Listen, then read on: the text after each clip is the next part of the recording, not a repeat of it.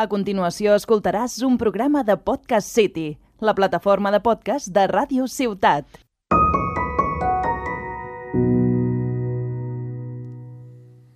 Tothom juga o ha jugat algun joc de cartes tradicional.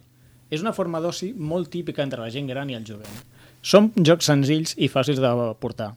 En els últims anys han aparegut molts jocs de cartes d'un caire diferent als tradicionals, com Magic o Dominion, que van revolucionar la manera de veure els jocs de cartes. De tot això i molt més en parlarem avui. Benvinguts a la partida, al podcast del Club Diògenes a Ràdio Ciutat de Tarragona.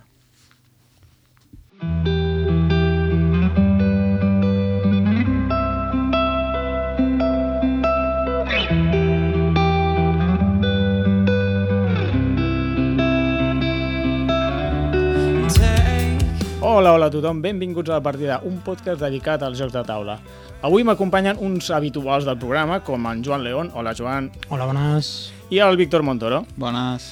I per últim jo sóc en Jordi Nadal. Tots tres som membres de l'associació Club Diògenes, una associació de cultura lúdica de Tarragona. Al programa avui us parlarem dels jocs de cartes. Us explicarem una mica la història i els tipus que hi ha. Eh, a més a més, tenim una píndola que ha preparat el company Javi, que és professor, i és una pí- píndola sobre joc de cartes educatiu. Comencem! This is the way to what I see.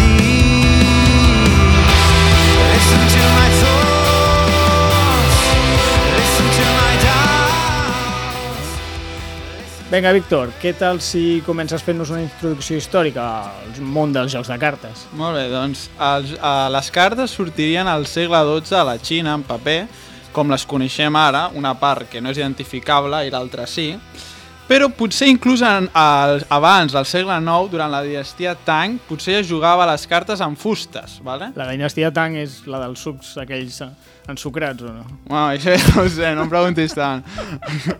Llavors, durant Tang potser ja es preparava i, i es comenten uns escrits d'un joc sobre les fulles, però no està clar, clar que fossin les cartes com les coneixem ara, en plan eh, identificables, no? Llavors no està molt clar, potser eren, jugaven amb daus, no està molt clar. El que sí se sap és que al segle XII a la Xina ja jugava en paper. De la Xina ja va anar cap al, cap a l'Orient Mitjà i a Egipte els mamelucs van fer les cartes com coneixem ara, 52 cartes de 4 pals, d'acord? 54. Aquests números, 52 cartes de 4 pals, no sé si us heu preguntat mai d'on sorgeixen, Els quatre pals? els 4 pals, 50... per què tre- Quatre- 13? Per què 13 cartes de cada pal? Eh, número de mala sort més els quatre no, elements. no, no se sap del cert, eh? però hi ha hipòtesis que es creu que 13, les 13 cartes que té cada cal, de cada pal, 13 són els mesos lunars de l'any. 4 són les estacions, i si fas 4 per 13 et surt 52, que són les setmanes que té un any terrestre. Ah. Vale? O sigui, moltes casualitats, no, no ho sabem, potser els mamelucs eren molt llestos i ho van fer així, no se sap per què, però els mamelucs ja serien els que a partir de la Xina farien les cartes com coneixem naltros de 52 4 pals.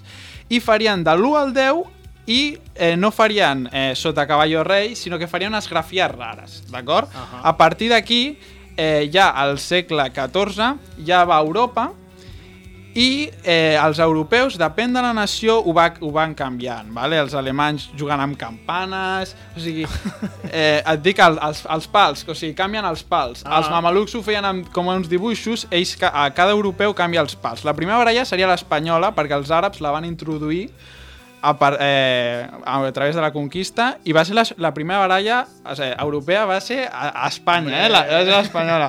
I no diríeu, jo crec que, que, jo crec que no diríeu mai Eh.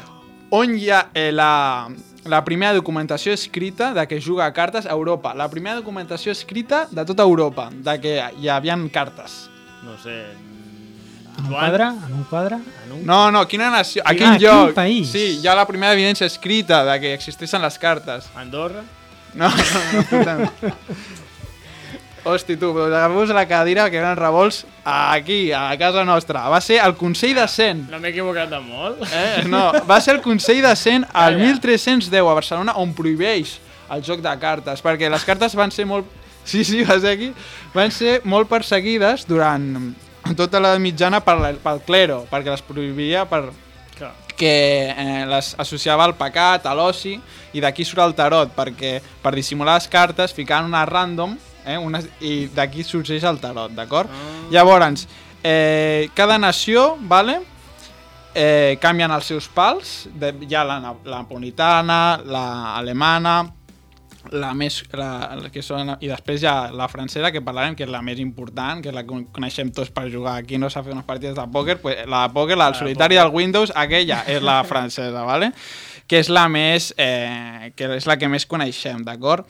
Llavors, eh, durant la baralla espanyola, també els pals no són per què es passes ors, per què?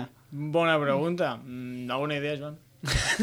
Espases serien els, els guerrers, no? Potser Bueno, no, no, representen les classes socials del Ah. moment. Les espases són els cavallers, representaven alhora els comerciants, les copes és la reialesa i els bastos eren els pagesos, la gent del camp, eh? Ah. Els campesins. Llavors, Hosti, mira que bé. eh, els, els francesos ja el, durant els, eh, creen la seva, que després ja veureu per què és, és la més famosa, i un, una dada que trobo molt interessant és perquè, clar, nosaltres tenim de l'1 al 10 i després tenim el, el 10, el 12 i el 13, que són aquestes figures, que els europeus les canvien dels mamelucs i les fan, les fan eh, tema reialesa, perquè els mamelucs no les tenien així, i els francesos el que fan és que a l'1 sigui el valor més important. A la baralla de pòquer, eh, per Vas. què?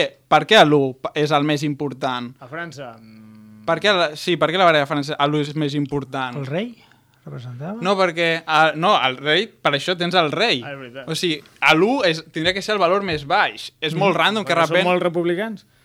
Pues, per aquí va, per la Revolució Francesa. Ja. El, la K era el valor més alt fins al moment, eh, quan es jugava a K. Però el valor francès va dir, hòstia, acabem de, acabem de parar-nos aquí a Lluís XVI, acabem de tallar el cap, no pot ser el valor més alt. I van fer els francesos durant el segle XVIII, perdona, eh, la Revolució Francesa que van dir, s'ha acabat això, a l'1 és el valor més important. I durant el segle XVIII també la van fer la carta reversible, perquè depèn com l'agafis, sempre veus la J, el número, Un gran invent. Sí, i els francesos van ficar eh, la dona, eh? A la, a la baralla, la, la reina no, no existia en cap baralla, no hi havia dona, i la van ficar també al segle XVIII. Molt progrés, els francesos. Sí, i el que van fer els anglesos és, van copiar la, la baralla, -hmm. sí, no, no van fer res, els anglesos la van copiar i a l'1 el van fer as, Clar, clar. ¿vale? I no sé si us heu fixat, però a l'as de piques sempre és, en les baralles, sempre té el millor dibuix, sempre hi ha la marca de l'empresa, Sí, és sempre és diferent a totes les altres, sempre la fan amb, la fan amb un estampat millor. Us heu preguntat mai per què? No m'hi he fixat. Pues els anglesos, quan pagaven, les tac, eh, quan pagaven els impostos, Sí. sí. els hi feien ficar un segell al, al, dedo- al, a, la, a, la a les de piques. Ah, I a partir del segell, sí. doncs ficant el segell al segell i al final les- s'ha quedat, ara no fiquen cap segell, però s'ha quedat i aprofiten per ficar les marques i tal. Això són els anglesos, vale? Mm. I la baralla anglesa, bueno, que la van copiar els francesos, Sí, s'ha fet eh, per tot el món pel seu imperi, quan van abarcar l'imperi, no? Ahà. Els, eh, els americans van ficar el Joker durant la Guerra Civil, per un joc han determinat necessiten el Joker, i al principi es deia Best Bowell, vale? Què vol dir Bess Bowell? És, era el Joker que tenien abans, li deien Best Bowell. No, és el nom que li ficaven abans, val? I el Jack, que coneixem Sí. tots, vale? el Jack no va existir fins al, al 1864. És el 10, no, el Jack? Vindria a ser... No, perdona, l'11. És Sí, la primera exacte, figura. eh, exacte, la primera figura. I el Jack no se'l van treure de la màniga al 1864 perquè es deia Knave al principi, que era com un soldat en pica, però Knave tenien que ficar KN, i KN ho confundien amb, amb King, amb el rei. Ah. I li van canviar el nom i super random li van ficar Jack pues, perquè Pues sí, Jack. i li, per fer, ficar la J, però el Jack no va existir fins al 1864 perquè es deia Knave abans, que és, eh, era un soldat que és, és soldat. Vale, que portava la pica, no? Mm. Molt bé. Estupendo, molt bé. Alguna cosa més o què? No, no? No. Hòstia, tio, m'he pres un mune en, en dos minuts, eh? Sí, així... Sí, Estic al·lucinant. Cultureta, cultureta. Molt bona feina, Víctor. M'ha agradat moltíssim. Doncs res, si us sembla, passem a començar a parlar dels jocs més aviat moderns, no? que és una mica el que juguem nosaltres. Eh? Està molt bé tota la història i tot plegat, Però bueno, això és un podcast de jocs de taula moderns, així que anem a començar a parlar dels jocs, eh, dels jocs de taula moderns de cartes. Joan, què m'expliques? Sí, sí. Bueno, jocs de cartes n'hi ha molts, de totes les mides i colors, des dels més senzills i petits, que precisament són molt famosos per les editorials, que a Espanya n'hi ha moltes que surten, i és una manera de començar fent un joc senzill, fàcil de produir i que a mesura de després, no? un joc de cartes baratet i després poden fer jocs més complexos. No? Per això tenim, i una bona manera de començar també és fer jocs copiant jocs de bases. Sí. Aleshores, eh, copiant típics jocs com ara la botifarra o la brisca, hi ha molts jocs molt senzills. Un que segurament està a totes les cases seria l'Uno. Jo no sé si considerar-lo un joc de cartes modern o una joguina, no? Modern no fa és. Mattel, també. El més senzill que hi ha, les masses són colors i els números, no té més. I a més només hi ha de l'1 al 10, encara n'hi ha menys. Hi ha jocs molt més interessants basats en aquest alumne. No? Un que ja vam parlar en un, un altre episodi és el, el Missió Incomplida, de l'educativa Zacatrus, que amb aquesta mateixa idea de només els colors, només els números, només pots posar cartes o repetint número, repetint color, com que has de complir una sèrie de missions per guanyar col·laborativament, fa que la cosa sigui molt més interessant. No? Hmm. I com amb aquesta idea hi ha jocs que agafen clàssics jocs eh, de bases de tota la vida, que per cert en català es diuen colls. Sí, no m'ho- vas dir l'altre dia i encara no, no m'he fet No ho havia idea, eh? sentit mai I no, abans. em sap greu, Però- però no ho utilitzaré mai perquè dius, anem a jugar a un joc de colls? Els pals Però són això, els colls. a, això ho has fotut tu al Google Traductor i pam, No, i, a, o la, no? a la Viquipèdia, si ho busques, és el que Però has mirat el Diego o no? Perquè fan cada colada... Va sí? Coix? Val, val. Sí, sí, és estrany. Jo Sí, crec, sí, sí. però sí, és així, eh? Pot ser. Bueno, doncs res, els jocs eh, de cartes Un de altre joc d'aquests també que agafen les bases de tota la vida i els hi fan, els hi fan un canvi per a millor seria el d'una que és una novetat no? que ha tret l'editorial de Vir, que seria la tripulació. Mm, de l'autor Thomas juegazo. Singh, que eh, aquest és força divertit. No? Sí, sí. L'has provat ja o no? Sí, sí, sí que l'hem provat. Sí, Qual, sí, per sí. quina missió aneu? No vam avançar massa. No No, vam avançar avançar massa, massa. molt a malament. La, la nena se liava molt. Això, Bueno. les bases... Li, A no ho partir de, de quina edat és el, la tripulació? Em sembla que és a partir de 8 anys. Està bé. però- Doncs la tripulació l'explico jo una mica. Sí, vale? eh? eh, és un joc cooperatiu, com el Missió Incomplida que ha dit, i també és de colls, de, de bazes.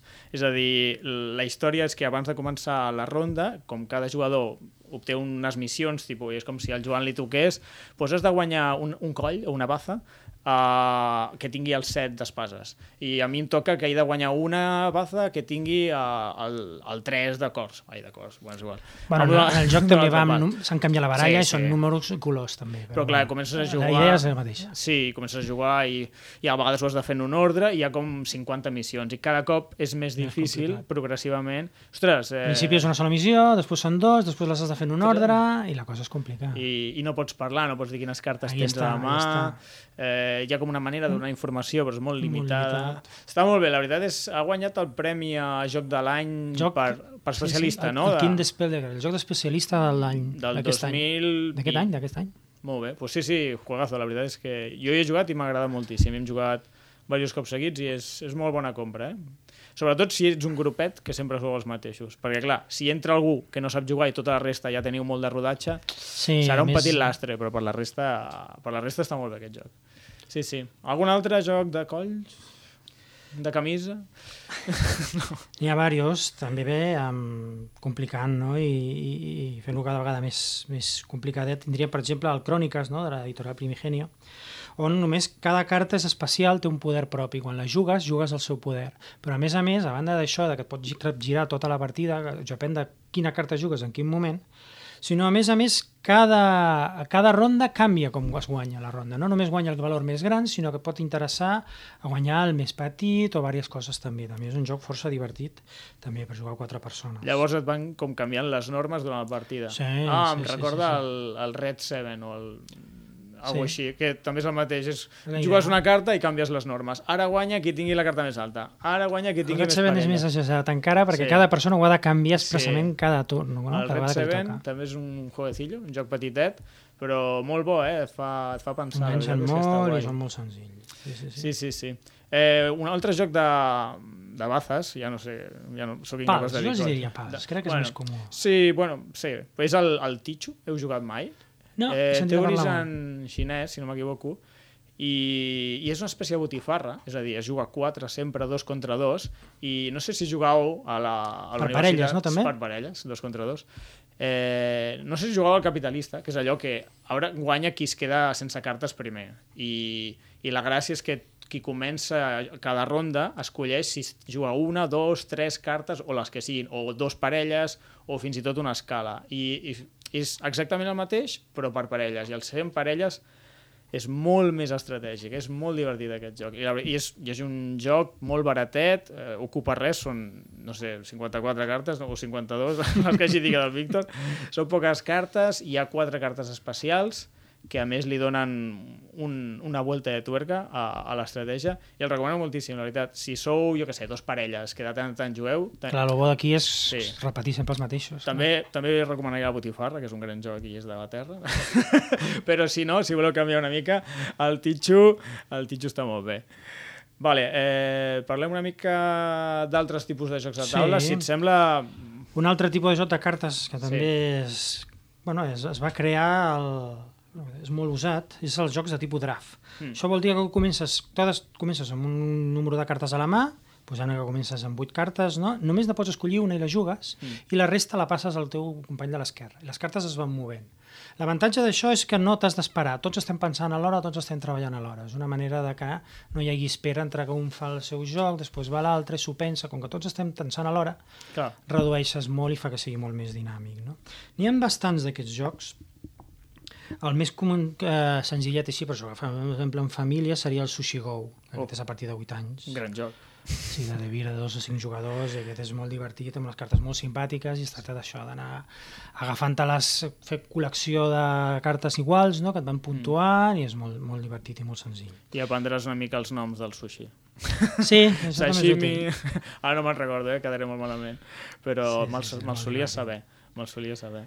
Però és una mecànica que hi ha molts jocs que la fan servir i que està molt, que és molt divertida. Per exemple, un altre joc d'iniciació també que es fa servir molt és el Seven Wonders, l'editorial Ah, Asmodee. sí, jo aquest hi he jugat bastant. Aquest és la, la seva gran avantatge és això, que permet números molt grans, fins a 7 persones, i és Sí. això, com que tens de muntar una civilització, has de crear una meravella, construir-la, mm. però és això, pots, a banda de fer-te la punyeta amb els del costat, mm. has de mirar quina carta li passes, si t'interessa passar-li, mira, me la quedo jo, encara que a mi no m'interessi, la gastaré per eh, construir, no la gastaré perquè no li deixaré fer ell. Aquesta és la gràcia. no? Clar, sí. Veus quines cartes van venint, hi ha cartes que no et tornaran més, has de comptar i has de vigilar, m'interessa agafar-la ja, m'espero, aquesta li robo, no li deixo l'altra, que sigui divertit. Aquests jocs, eh, amb menys jugadors, normalment són més estratègics, perquè Sí. les cartes que passes després et tornaran. tornen. perquè, I llavors, Amb set jugadors no tens ni idea. clar, amb set, no amb set jugadors idea. és...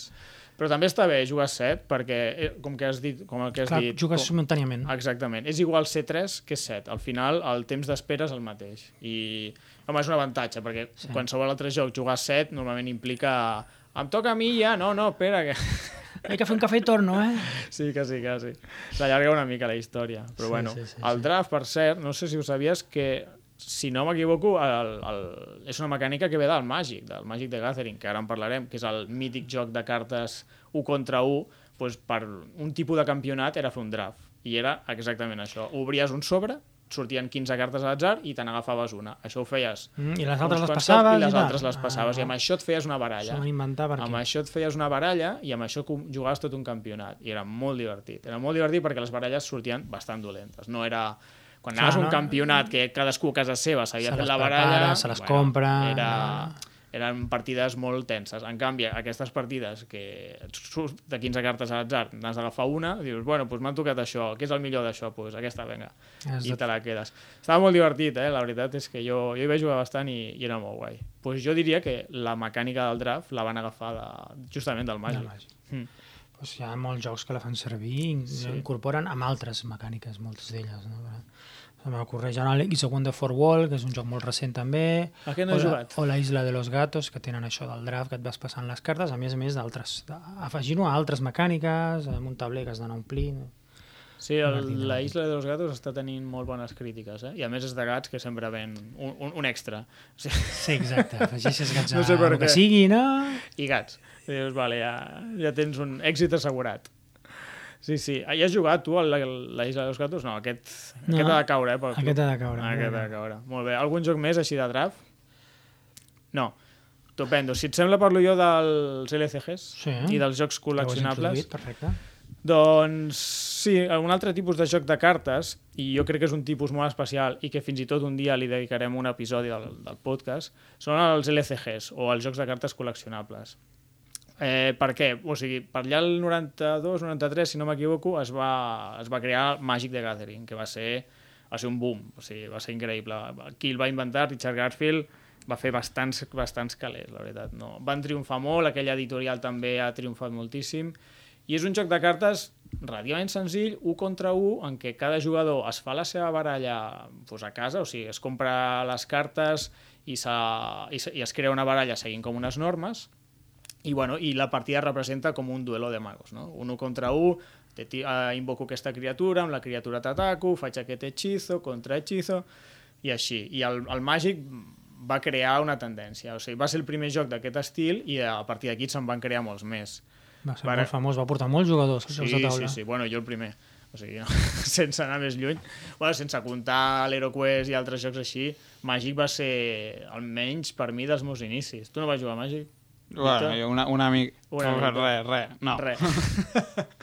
però, però coneixies Màgic. Sí, sí. és que és impossible no conèixer Màgic. Vaig fer, hi havia allò dels manars i tal, però molt poc, molt poc. Molt poquet. Però és que jo crec que quasi totes les escoles, a certes edats, hi ha gent jugant a Sí, Màgic. a- això sí, No, o no, sigui, sí, jo veia al pati jo. gent Sí, jugant sí. a Màgic i jo ja per dalt, hòstia, això que va tal, però no em va interessar. No, No, a- Anava a jugar a futbol, jo. Ja. Però sí, però sí que hi havia bastant de Màgic, la veritat. Sí, sí, és que jo també jugava al col·le i, i d'allà vam després derivar a jocs de taula. Però sí, sí, va ser molt popular i continua sent molt popular, té tornejos, hi ha, No, no, hi ha gent que s'hi dedica 25 pro... anys i, i, i tirant i continua sent molt popular. Sí, sí, i hi ha gent que s'hi dedica professionalment. És una bogeria, Màgic. I Màgic va, va ser el creador d'aquests tipus de jocs, jocs de cartes, que no és que et compris una baralla i ja ho tens tot, que són com els jocs que hem comentat fins ara amb en Joan, sinó que són jocs que són col·leccionables, és a dir, van traient expansions i més expansions, més cartes, més cartes, i tu t'has de fer la teva baralla. I és una mica la gràcia, està la part de jugar, que estàs jugant físicament amb algú, i la part de, dels deures de casa, de millorar-te la baralla, Mm. avui he jugat i aquesta carta no anava bé, me'n ficaré aquesta altra, i bueno, és tota una història, és tota una història. També és el que més se li critica al joc, no? que hi ha cartes que es arriben a vendre per milers de dòlars, Sí. que la gent és això, jo pago, el que més pagues, el que millor Un pay to win. guanya... És un pay to win entre cometes, Però perquè bueno, hi ha diferents mitigat. formats. S'ha mitigat, Són, hi ha diferents formats. Si vols jugar al format que estan totes les cartes, doncs sí que és un pay to win. Però si jugues al format de que només valen les cartes de l'últim any, és relativament barat, que barat per Màgic potser són 100, 200 euros, però és una baralla. Però bueno, tampoc ens allarguem molt amb això. Ja et dic, un dia jo crec que farem un programa de Màgic i d'aquests jocs. I altres jocs que van sortir a, arrel de Màgic va ser Netrunner, que també el va crear el mateix, eh, el mateix dissenyador, el Richard Garfield, que Netrunner eh, tenia la gràcia de que era asimètric i un jugador representava que era com un hacker i l'altre jugador era com una corpora, megacorporació així futurista, cyberpunk, que intentava, eh, es, intentava protegir un, com uns esquemes, com un, unes cartes de la baralla i l'altre els hi havia de robar. Aquest joc era brutal. Bueno, jo vaig jugar moltíssim i m'encantava. Era molt temàtic, eh, tenia cert faroleo perquè tenia, jugaves cartes cap per avall i llavors el hacker anava i no sabia ben bé què hi havia. Tenia, tenia molt, històries molt divertides. Després un altre joc que va ser molt popular eh, i curiosament era cooperatiu era El Senyor dels Anells. No sé si vau jugar, però era un joc també col·leccionable. Aquest ja era LCG. La diferència entre LCG i CCG, CCG, joc de cartes col·leccionable, és, és tipus cromos. Compres sobres i et surten cartes a l'atzar. Els LCGs simplement compres un sobre i saps exactament el que vindrà i, i va creixent. Totes les caps es porten el mateix. Totes les que... Exactament, gràcies Joan. Doncs això, el Senyor dels Anells, igual que Netrunner, ja eren LCGs, és a dir, això que he dit. I el Senyor dels Anells està molt bé perquè era corpora- corporatiu, cada... ai, corporatiu he dit, cooperatiu, cada jugador eh, es feia la seva baralla i jugaves contra el dolent, que en aquest cas pues, el Senyor Oscuro, o alguna... eren petites aventures, llavors anaves comprant aventures i les anaves jugant amb els amics, i cada jugador portava tres herois, i estava molt guai, perquè bueno, si t'agrada el Senyor dels Anells era molt temàtic. I amb, amb aquesta línia hi ha dos jocs més. Un altre era el Marvel Champions, Aquest és el més modern. que és el més modern, és de fa un any. O... Sí. Jo el vaig comprar fa dos... l'any- de l'any passat, o sigui, fa res, no, no tenia un any, és veritat. Pues és, ve a ser el mateix, però temàtica Marvel, Marvel. Marvel total. Hulk, Capitán Amèrica, Thor, tots aquests que heu vist a les pel·lis de Vengadores, pues els teniu allà repartint L'han tonyes. simplificat, no? La manera de fer les baralles És és, més- més, senzill. Però està bé, perquè al ser més senzill també és més curt, que potser era el que menys m'agradava del Senyor dels Anys, que hi havia partides que, que tela, eh, que s'allargaven. Estaves allà jugant i dius, bueno, queda, queda no sóc a casa, eh, però bueno. Doncs això era el Marvel Champions, l'han fet bastant més àgil, i la gràcia és que cada jugador porta un heroi, és a dir, cada baralla es focalitza, pues, jo què sé, pots portar Hulk, pots portar qualsevol dels que he dit ara. I, i et vas comprant enemics, que, que són normalment arxienemigos, està molt currat, eh? la veritat és, és molt, està molt ben fet. I l'altre que era cooperatiu se m'ha oblidat. No, és l'Arkham Horror LCG, Mm. que aquest és un pèl diferent, no és tant com aquests dos que he dit, sinó que és més com una aventureta, o sigui, una aventura, com una campanya. I llavors vas fent missions i té com certa exploració, doncs ara vaig a aquesta habitació, et trobes un monstre, doncs et trobes allò, i les baralles el mateix, cada un porta un personatge i vas fent. Buah, com estic enrotllant, no? Vinga, va, més ràpid. Eh, un altre joc de cartes molt popular va ser la Leyenda de los Cinco Anillos, que en vam parlar el, el dia del programa de rol, sense més, eh, també molt popular, està molt bé. I un altre joc que volia comentar va ser el Mage Wars, que és joc de cartes, però amb un tauler. Llavors era com una espècie de màgic, però que van voler ficar un tauler i que tingués certa, certa tàctica, no? És a dir, l'estratègia no només és com jugues les cartes, sinó on les poses. O sigui, al final, el màgic representava, que, que era totalment abstracte, però representava un combat entre dos magos. Eh, Mage Wars, tenies els dos magos, tu eres un, l'altre era l'altre, i anaves desplaçant-te i creant doncs, murs de foc o criatures, llançant eh, em surten spells, hechizos o com es diguin i coses així. Estava molt bé, eh? el Mage Wars és un joc que no va triomfar mai, però a mi m'agrada moltíssim i pues, jo què sé, ja que tinc un micro algú comentaré. Re, i això és un super resum dels jocs de cartes col·leccionables, tu. Eh, passem amb la següent Sí. tipus de jocs de cartes? Un altre tipus de joc de cartes que també s'està fent molt popular és, són els deck buildings o construcció de les, les masses de cartes. No? Són uns jocs on tots comencem igual. bueno, de fet, depèn del joc, no? però la idea és que tots comencem amb les mateixes cartes senzilles, simples, i amb aquestes cartes que representen un valor de moneda on pots adquirir, hi ha un mercat davant on tu pots comprar les cartes millorades, amb més poders, més habilitats, que et deixen fer coses... Deixes... Aquesta és la idea del deck building. Evidentment, després ja cada joc ho complica, no? Qui va inventar la mecànica va ser el 2008, el joc Dominion, de Donald Baccarino, va ser qui es va inventar aquesta... L'última mecànica, diuen, nova que s'ha fet a jocs de cartes. Sí, probablement. I ell la va inventar i era molt simple, ara el consideren molt simple el Dominion, perquè ara el que s'ha fet és agafar aquesta idea i afegir-li moltes altres coses, que hi ha jocs amb molt tauler, hi ha jocs amb moltes altres coses, que això només és una part del joc, no és el, el centre complet. No? Algun dels jocs de deck building ja n'hem parlat, com per exemple vam estar parlant de l'Star Realms, Sí. Que seria... Sempre el recomanem, eh, aquest. Sembla que Sí, perquè és paguin. molt barat. Eh. Va 15 eurets i un contra un i inclús als nens els agrada, va Sí. molt bé cap a la butxaca i és això, és un joc que seria com un màgic però tancat. Amb 15 euros ja en tens prou, ja tens el joc sencer, no hi ha més compres, no hi ha més cartes. Hi ha expansions, sí, però no... No cal. No cal.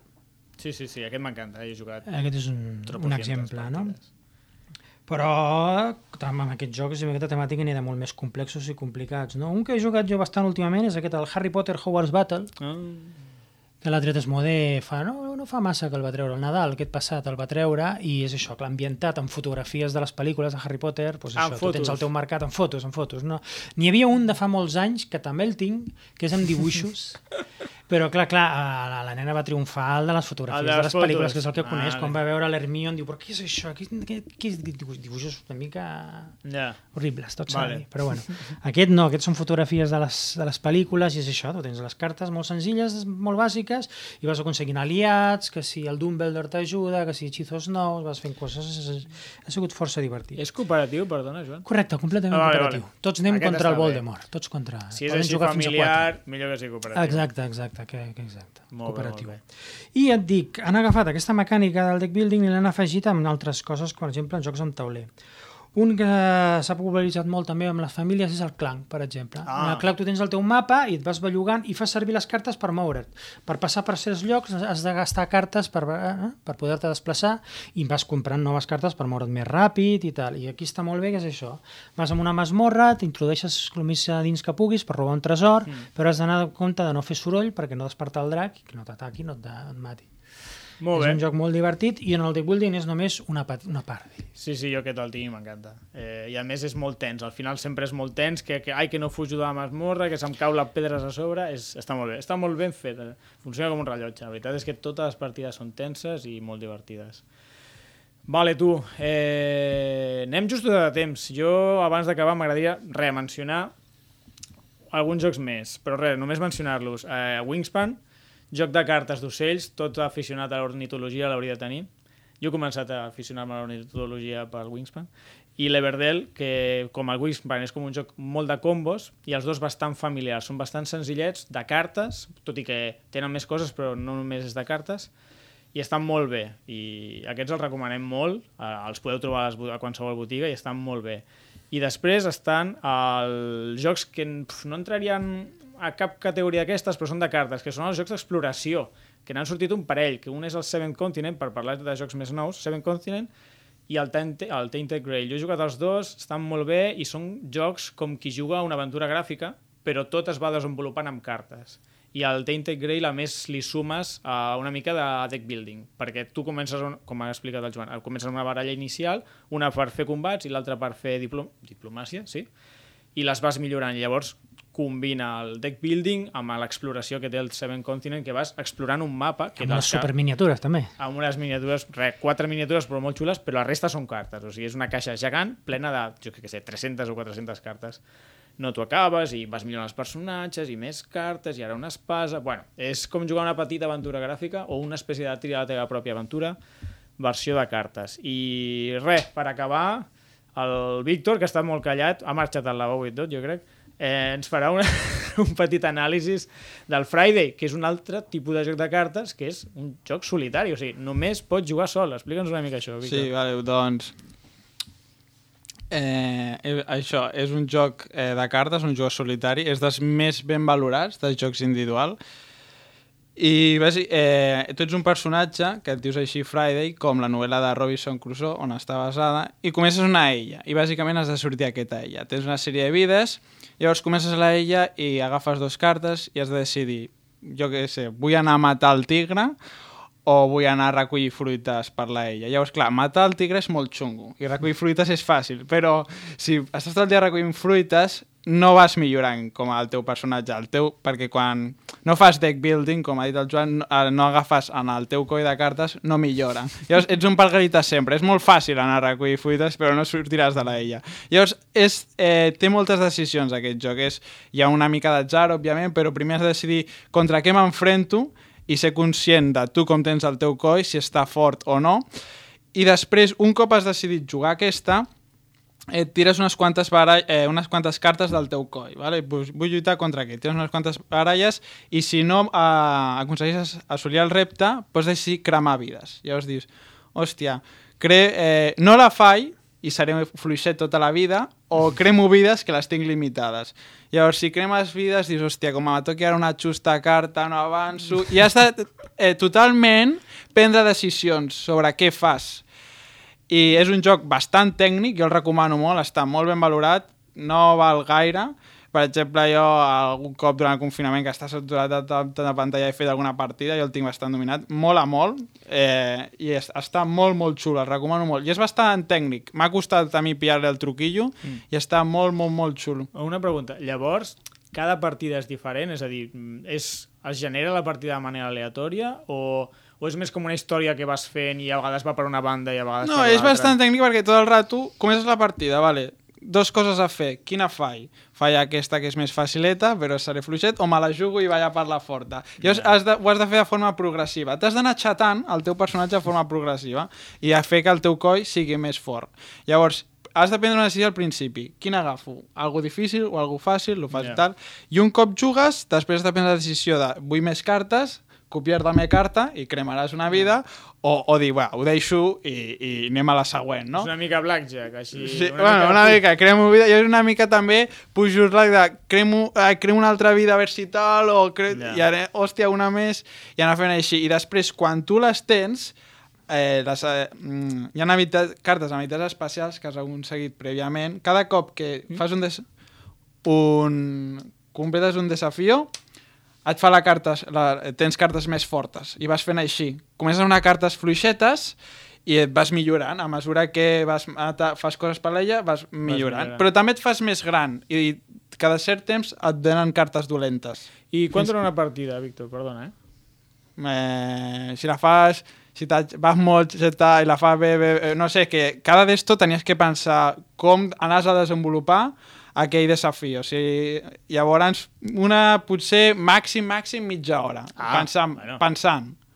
No, és, no és molt, però... I totes les partides comencen i acaben i un altre dia jugaràs una altra partida completament diferent, eh? entenc?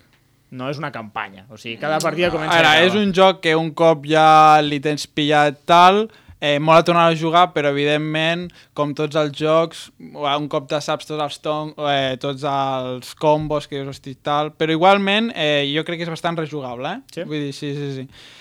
I, i això, i al final mata els pirates, has, guany... has sortit de la illa, yuhu, eh, i, i costa bastant. Costa bastant. Costa bastant guanyar o què? Costa bastant guanyar. I guanyar en puntuació ja... I, I a més és això, tens una puntuació final Uh -huh. I, i és bastant, hòstia, vull passar aquesta puntuació, vull passar aquella puntuació, i és xungo i el recomano molt. Molt bé. Tu què, què t'ha semblat, Joan? No, no, m'ha interessat. El comprareu o no? Vendido. El comprareu, el comprareu? Vale, El compraràs de l'Arnau. el tècnic de so. Doncs molt bé, ja donem per finalitzada una mica la part central del programa. Si us sembla, anem a posar una píndola, la píndola que ens ha preparat el Javi sobre un joc de cartes que està molt bé, que és el Timeline, i a més és molt educatiu. Bon dia, bona tarda o bona nit des del Club Diògenes de Tarragona. Què tenen a veure els Tres Mosqueters, la invenció del frigorífic i la travessa d'Aníbal pels Alps? Ja us avanço que no es tracta de cap acudit. Alguna idea? Doncs la resposta és tan sols una paraula. Timeline. Doncs aquest és el nom del joc de taula del que parlarem avui.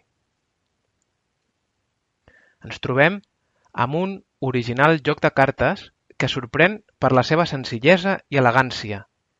És apte per a plegar al voltant de la taula públic tan dispar com nens a partir de 8 anys, com a pares i com a avis. Tres generacions al voltant d'un mateix joc i al voltant d'una mateixa taula. Les regles, a més, s'expliquen molt ràpidament i les partides són molt àgils, doncs no s'allarguen més enllà dels 15 o 20 minuts.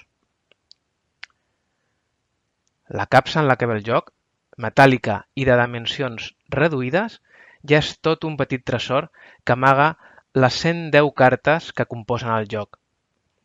Cada carta està il·lustrada pel seu anvers amb la simpàtica il·lustració d'un fet històric i la seva descripció.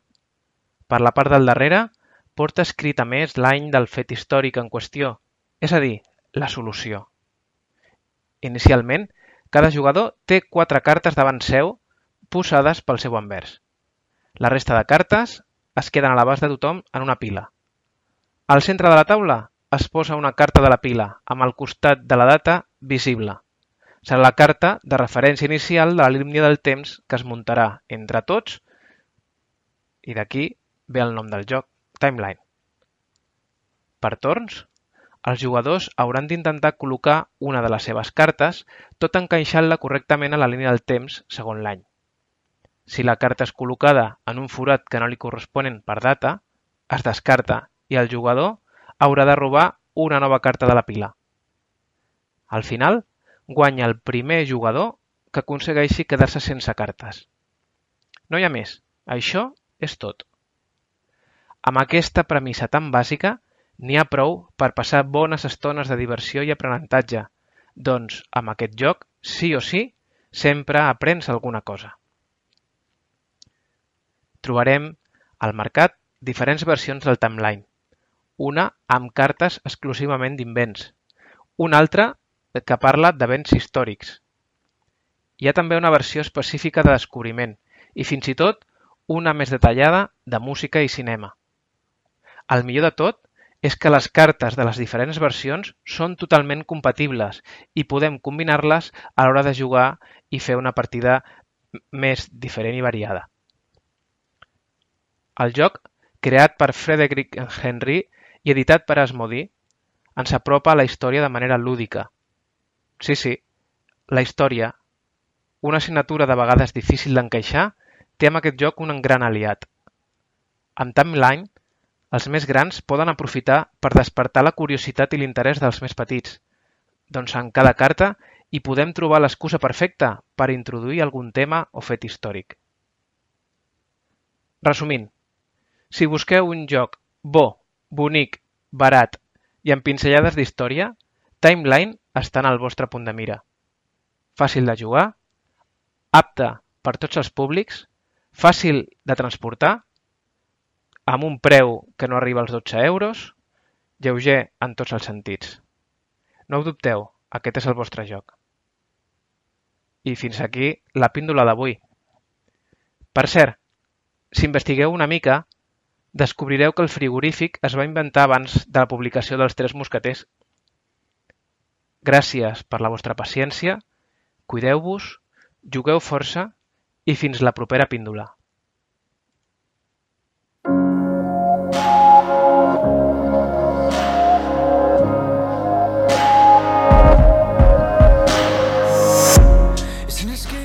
Bé, fins aquí el programa d'avui. Hem fet una repassada als diferents jocs de cartes que us podeu trobar al mercat. Gràcies, Joan, gràcies, Víctor, Gràcies una vegada més per acompanyar-me. Víctor, Déu vos guard, vagi bé. i moltes gràcies a vosaltres, oients, gràcies per acompanyar-nos durant el programa. Esperem que us hagi agradat el programa. Bona nit i tapeu-vos. Apa, adeu. Guess I'll keep on driving till the gas runs out.